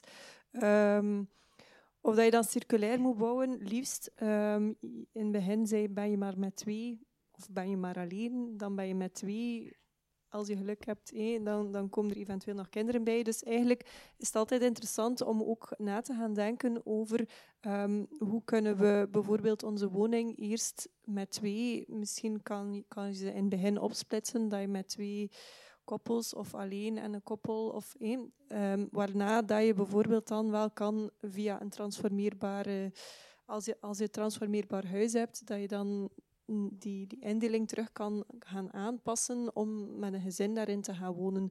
Dus zonder dat er daar heel veel moeite, afval en, en, en kosten bij komen. En door uh, je woning op die manier te gaan ontwerpen en ontwikkelen, zorg je er eigenlijk voor dat je, dat je bijna levenslang kan wonen en dan stel dan de kinderen dan terug weer het huis uit zijn, dat je terug kan downsizen. En dat is een beetje de bedoeling, zeker op woninggebied, van, van dat transformeerbaar wonen, dat je eigenlijk... Um, we hebben het net gehoord, we verhuizen niet graag uh, en niet vaak dat je eigenlijk in je eigen woning uh, kan, kan volgens de noden uh, aanpassingen gaan doen. zijn er nog vragen?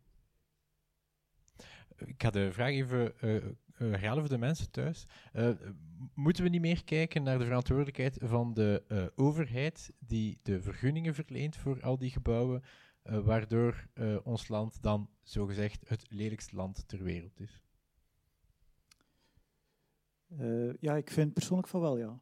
Ja, dus ik vind dat zeker meneer daar een punt heeft. Kent u de website Ugly Belgian Houses, meneer? is bekend. Hè? Ik vind het schitterend. Ik vind het zo grappig.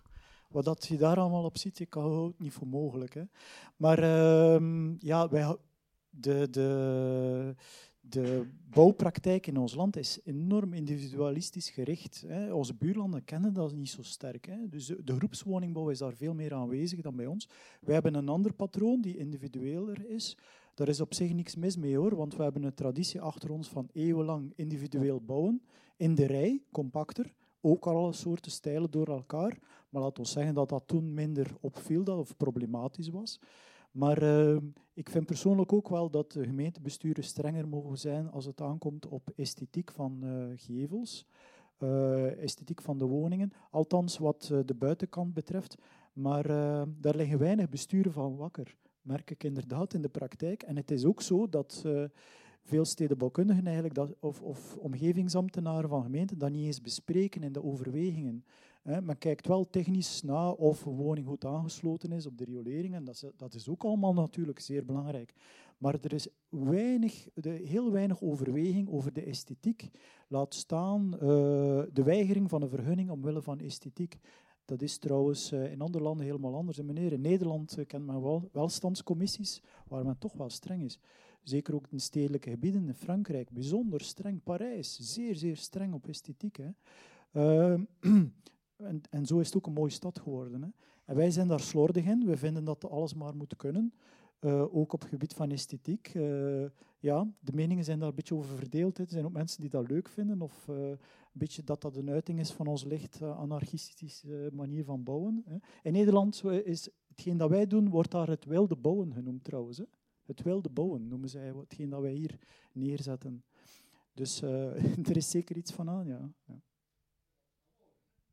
Eh, de tegenwerping is, Nederland is dan wel het uh, voorbeeldland, maar geen enkele Vlaming wil in Nederland wonen. Ja, dat is waar. Nederland wordt trouwens ook Planners Paradise genoemd. Hè. Ik weet niet of je dat weet, meneer. Dus het ideale land van de ruimtelijke planning. Hè. Ze hebben een heel streng beleid gehad. En ze zijn dat nu enorm aan het versoepelen trouwens. Het grappige is dat ze ondertussen naar België aan het kijken zijn hoe dat wij dat eigenlijk wat soepeler allemaal opvatten. Dat is eigenlijk wel een grappige evolutie. Dus wij hebben eigenlijk meer planning te doen en zij willen meer loslaten. Dat is al sinds het voornemen van een minister. Uh, maar uh, ze wonen kleiner uh, en wij, wij houden daar nog niet zo van. En uh, ze, zijn, ze hebben ook meer uh, ervaring in de groepswoningbouw dan wij. Hè. Dat is nu natuurlijk wel aan het veranderen. Maar uh, wij hebben meer de traditie van de individuele woningbouw. En daar voelen wij ons prettiger bij. De individuele expressie van de woning enzovoort. De, voor mij ligt de grote uitdaging eerder in hoe kunnen we dat individueel bouwen, waar wij van houden, toch op een compactere manier gedaan krijgen. En we hoeven eigenlijk niet ver te zoeken hoor. We hebben daar eeuwenlang tradities in. We moeten gewoon terug naar hoe dat we het vroeger deden, namelijk compactere rijwoningen, schakeling, schakelwoningen enzovoort. Op hedendaagse manier is nog altijd een goed product op vandaag. Maar in hedendaagse stijl dan. Hè. Maar het gaat over hoeveel grond dat we innemen en waar dat het inderdaad ingenomen wordt. Uh, dat, dat is eigenlijk essentieel. En belangrijker ook dan de esthetiek, uh, daar niet van. Uh. de meneer daar achteraan. Ik, ik ga het nog even herhalen. Dus het gaat over de, de zonevreemde bebouwing, dat op, op de buiten mag eigenlijk gewoon alles. Moeten we dat niet gewoon afschaffen? Ja, het gaat dus over inderdaad uh, de functiewijziging van voor, voornamelijk uh, landbouwhoevenstallingen enzovoort. En wat weet ik allemaal. Hè, Soms gebeurt dat ook zelfs uh, illegaal, hè, zonder dat er eigenlijk een functiewijziging zelfs aangevraagd is. Hè. De gemeenten zijn daar nu strenger in het worden. Enfin, het bewustzijn is wel aan het groeien hoor. Dus dit is een heel belangrijke vraag dat u stelt in het kader van de voorbereiding die ik doe met collega's, experten voor de minister. Ehm, dus dat, dit moet zeker op de agenda komen, wat mij betreft, absoluut. Want wat is het gekke anders fenomeen dat we krijgen? Door de te grote focus bijna op die woonzones, hè, Jeroen zei van, we moeten ook over andere sectoren gaan, door te grote focus op die woonzones dreigen we eigenlijk daar een dure operatie te doen van herbestemmingen, compensatie aan die eigenaars, terwijl dat langs de achterdeur bij wijze van spreken in het buitengebied nog alles kan. Dat kan echt niet de bedoeling zijn. Hè. Dus we moeten daar de deur echt wel van sluiten en het eh, landbouwgebied in eerste instantie behouden voor eh, landbouwfunctie en verwevenheid van natuur enzovoort. Dat belet niet dat er wel nog mogelijkheden, naar mijn opinie, moet zijn voor het zonevreemd gebruik, maar dan zonder uitbreidingen en liefst zelfs met krimp. Dus met afbraakverplichtingen enzovoort. Want uh, al die hoeves afbreken, dat zie ik ook niet zo hoog gebeuren. Hè. U weet ook dat dat natuurlijk het pensioen is van die landbouwersgezinnen vaak. Dus daar staat nog een vastgoedwaarde op en wat moeten we daar dan mee doen? Eigenlijk voor de bouwshift is het belangrijkste dat er geen uitbreiding meer bij komt. Maar in de praktijk zien we dat daar eigenlijk vooral het probleem zich situeert. Men begint dan aan vertuining te doen. Landbouwgrond gaat verloren aan grote tuinen enzovoort. Bijbouwsels komen erbij enzovoort, verpaarding enzovoort. Dan, dan wordt het problematisch. Maar als dat een zonevreemde hoeve is die uh, ingenomen wordt door een gezin en die breidt dat niet uit, is er eigenlijk op zich nog geen bijkomend ruimteinname geweest. Daar heb ik persoonlijk vanuit het kader van de bouwshit geen probleem mee of minder een probleem mee. Maar het gaat over al die uitbreidingen en verdere innames die er dan aangebreid worden op typische Vlaamse uh, stijl. Dus jazeker, dit is een deel van de advisering die we naar de minister zullen brengen, want ik vind dat zowel uh, de, het, het, landbouwgebied als al die andere bestemmingen, harde bestemmingen, moeten betrokken worden in de bouwshift, want anders dreigen we te eenzijdig te kijken naar die woonzones en uh, dit is maar een deel van het verhaal. Er komt een zeer groot deel uh, van bijkomende innames in, in dat landbouwgebied te, terecht. En ik moet zeggen, dat was voor mij ook een eye-opener uh, in mijn eigen onderzoek. Want uh, ik wist niet dat het zo grootschalig was. En het valt ons ook niet zo op omdat het geleidelijk en verspreid is. Maar als je dan naar de statistieken daarvan kijkt, dan is het wel schrikken. In sommige gemeenten is de inname van het landbouwgebied groter dan bijvoorbeeld in de bouwzones. Heel wat gemeenten in Vlaanderen hebben dus meer innames in het gebied waar dat niet voor bedoeld is, dan in de, in de, in de initiale, initiële woonzones. Dat kan toch niet de bedoeling zijn? Dus dan lekt ons ruimtelijk systeem natuurlijk. Hè. En daarom, dat moet zeker op de agenda komen. En ik hoop dat men dat politiek ook bereid is te volgen. We zullen zien. Ik ga een uh, vraag die ons via de online weg uh, bereikt voorlezen. Um, door het gebruik van. Wacht hoor is er door het gebruik, hergebruiken van materialen geen grote impact op de economie als het dan gaat over de verkoop en handel van nieuwe materialen? Ik denk dat dat iets is voor uh, jou, Hannelore. Ga jij de economie uh, kapot maken met uh, jouw circulaire bouwen? Um, nee, maar ik denk dat er wel een shift gaat gebeuren van um, in plaats van handel in nieuwe materialen naar handel in bestaande materialen en alles die daarbij hoort. Dus er komen eigenlijk heel wat nieuwe beroepen, bij wijze van spreken, um, uh, tevoorschijn als, je, als die urban mining kan, kan doorgezet worden. Want er zal moeten bijgehouden worden um, waar aan die materialen zich bevinden, uh, in welke staat dat ze zijn, hoe dat je dat logistiek naar de nieuwe locatie gaat brengen. Dus um, er gaat misschien inderdaad wat, uh, hopelijk, afzwakken in, in de handel van de nieuwe materialen, maar er zal wat omhoog komen uh, in de handel van de bestaande materialen. Oké. Um, zie ik hier nog? Ja, daar achteraan, meneer. Ik ga, uh, ik ga de vraag even herhalen. Het, de meneer maakt zich uh, zorgen over impactstudies. in, het heeft ermee te maken dat hij in een wijk woont waar een, een woonzorgcentrum wordt ingeplant. Ja, dus een woonzorgcentrum bij dus er uh, allerlei dingen veranderd uh, in de wijk waar hij woont. Hij probeert via de stad Gent erachter te komen wat de impact daarvan is. En niemand kan hem daar een antwoord op geven. Is er, is er een, een probleem mee bij die impactstudies? Um, ja, dus de lange termijn effecten daarvan, hè, de, bedoelt u meneer? Ja. Um, ja, daar wordt eigenlijk weinig bij stilgestaan natuurlijk, hè, denk ik. Uh, wat dat wel hebt, is dat, uh, en ook de stad uh, heeft daar ervaring mee, er wel duurzaamheidsmetingen gedaan worden, aan de hand van onder andere, misschien kent u het, duurzaamheidsmeter wijken, die trouwens ontstaan is hier in Gent, hè, maar Vlaanderen heeft daar eigenlijk een eigen tool van gemaakt, maar dat meet meer de impact op het gebied van milieu, dus eigenlijk het domein van Handeloren. Uh, en hoe dat, dat kan verbeterd worden, opdat dat eigenlijk op een milieumatige, meer aanvaardbare manier gebeurt. Maar als ik u uw vraag zo uh, hoor, gaat het over ruimer, ruimer uh, geven. Zorg, ja. Ja, um, de, trouw, ja, ja de, en, de, en volgende voorzieningen. Hè. dat is echt wel een probleem. In feite, de bouwshift heeft twee zijden. Uh, namelijk het verhaal waar ik nu vanavond vooral op gefocust heb van open ruimte. Maar je hebt evenzeer de zijde van de kernversterking. Hè, dus waar we eigenlijk uh, compacter gaan bouwen. En daarbij is het ontzettend belangrijk dat de steden en de gemeenten kunnen volgen met hun voor voorzieningenaanbod. Omdat, en niet het minst ook wat u aangaf, de vergrijzing. In de vergrijzing zit trouwens ook een kans voor de bouwshift. In die zin dat we behoefte hebben aan aangepaste woningen die kleiner zijn voor ouder wordende mensen.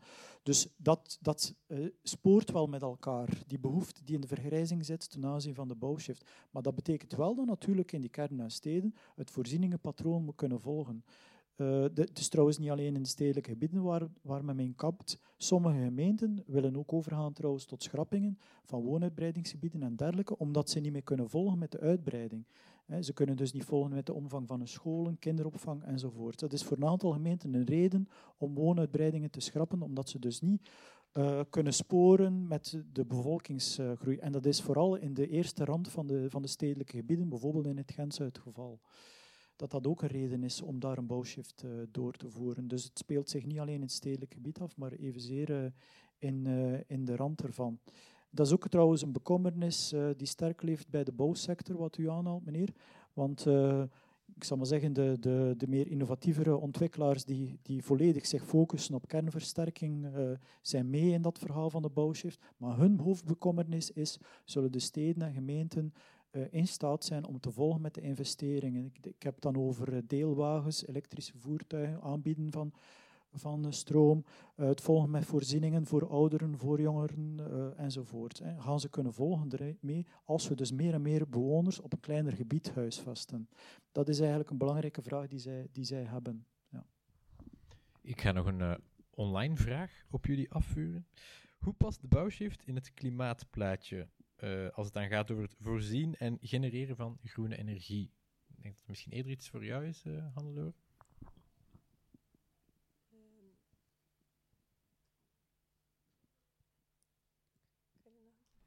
Uh, hoe past de bouwshift in het klimaatplaatje uh, als het dan gaat over het voorzien en genereren van groene energie?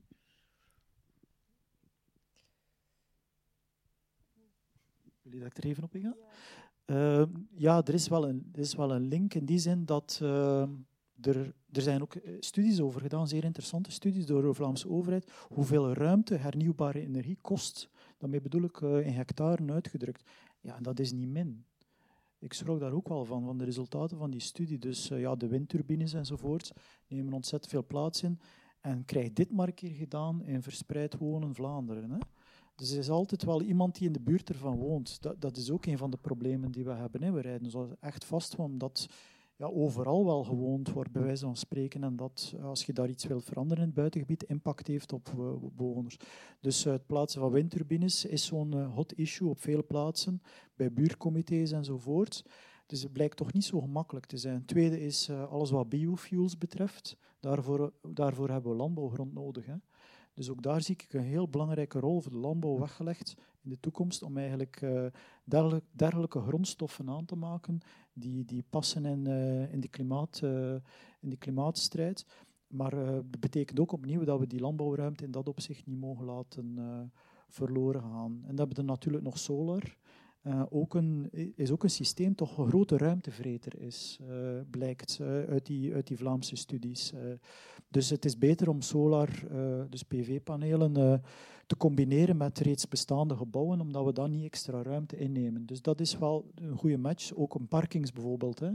Uh, dat zie je meer en meer komen. Bijvoorbeeld in Duitsland is dat heel populair op bedrijfsparkings, hè, waar eigenlijk uh, solarpanelen bovenop de parkeerplaatsen gemonteerd zijn en de wagen meteen kan ingeplucht worden. Dan heb je wel ruimtelijke winst, vind ik, voor her hernieuwbare energie. Uh, maar als het gaat over uitsmering van een uh, solarpark gewoon uh, in hectaren, dan vind ik dat toch eigenlijk wel een weinig rendabele manier om om te springen met die hectare grond. Ehm, maar wel een heel pertinente vraag natuurlijk. Hè. Ook dus de hernieuwbare energie kost ons ruimte. En moeten we echt inplannen in de landbouwruimte of gecombineerd met reeds bestaande bebouwing.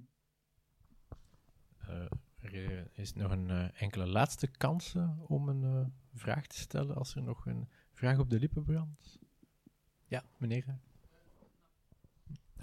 Leuke vraag. Ik ga hem even herhalen. Um, de, meneer geeft les in een stemrichting. Dus, een, dus bij, de, oei, bij de conculega's dan nog. Ja.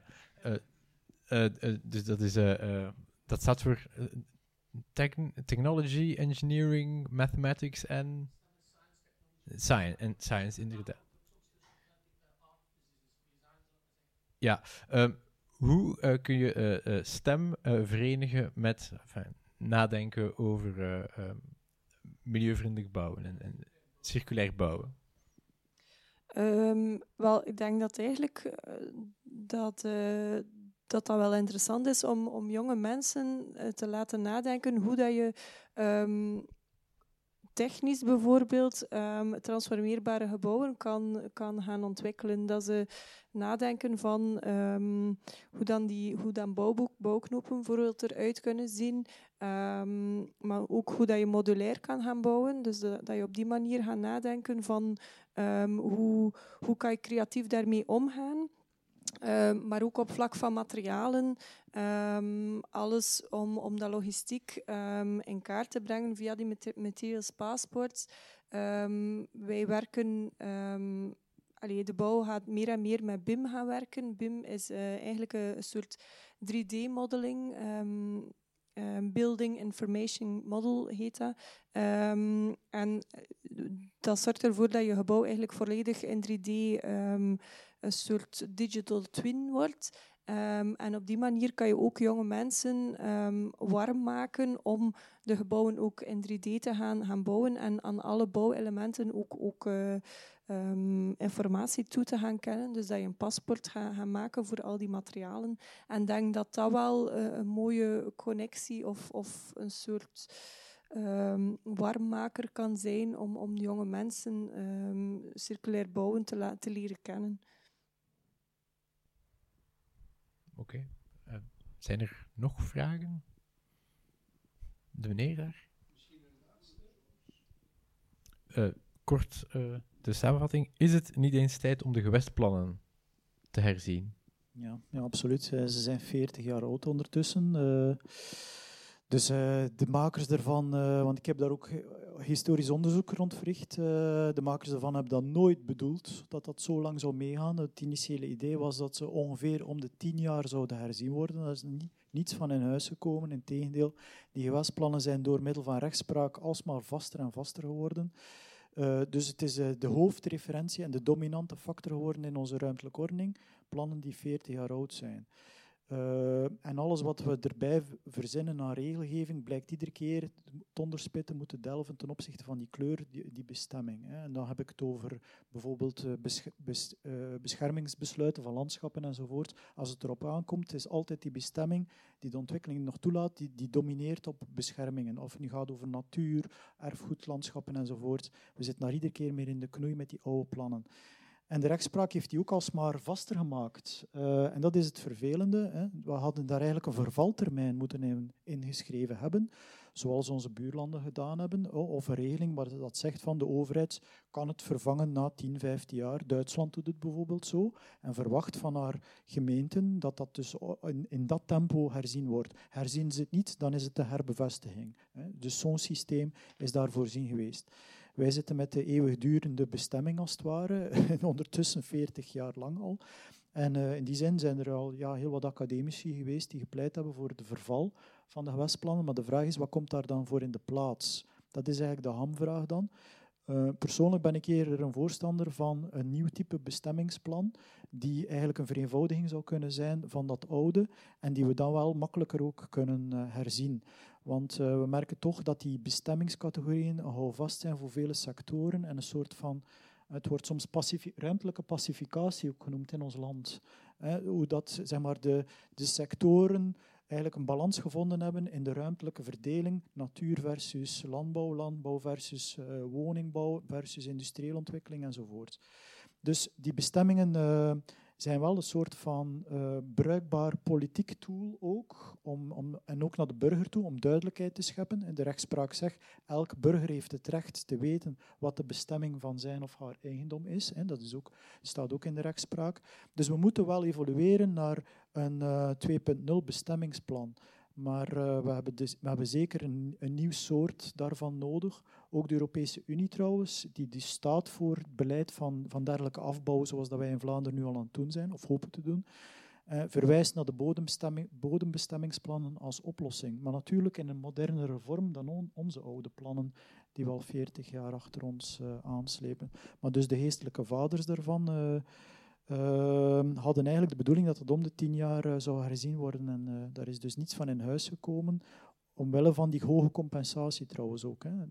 Dus de gemeenten enzovoort durven niet herbestemmen omwille van de kostprijs. En dat is, da daar hebben we ons echt in vastgereden. Hè. Dus we moeten een van de twee dingen veranderen, soepelder maken. Oftewel de compensatiezijde, oftewel die plannen die we regelmatig herzien.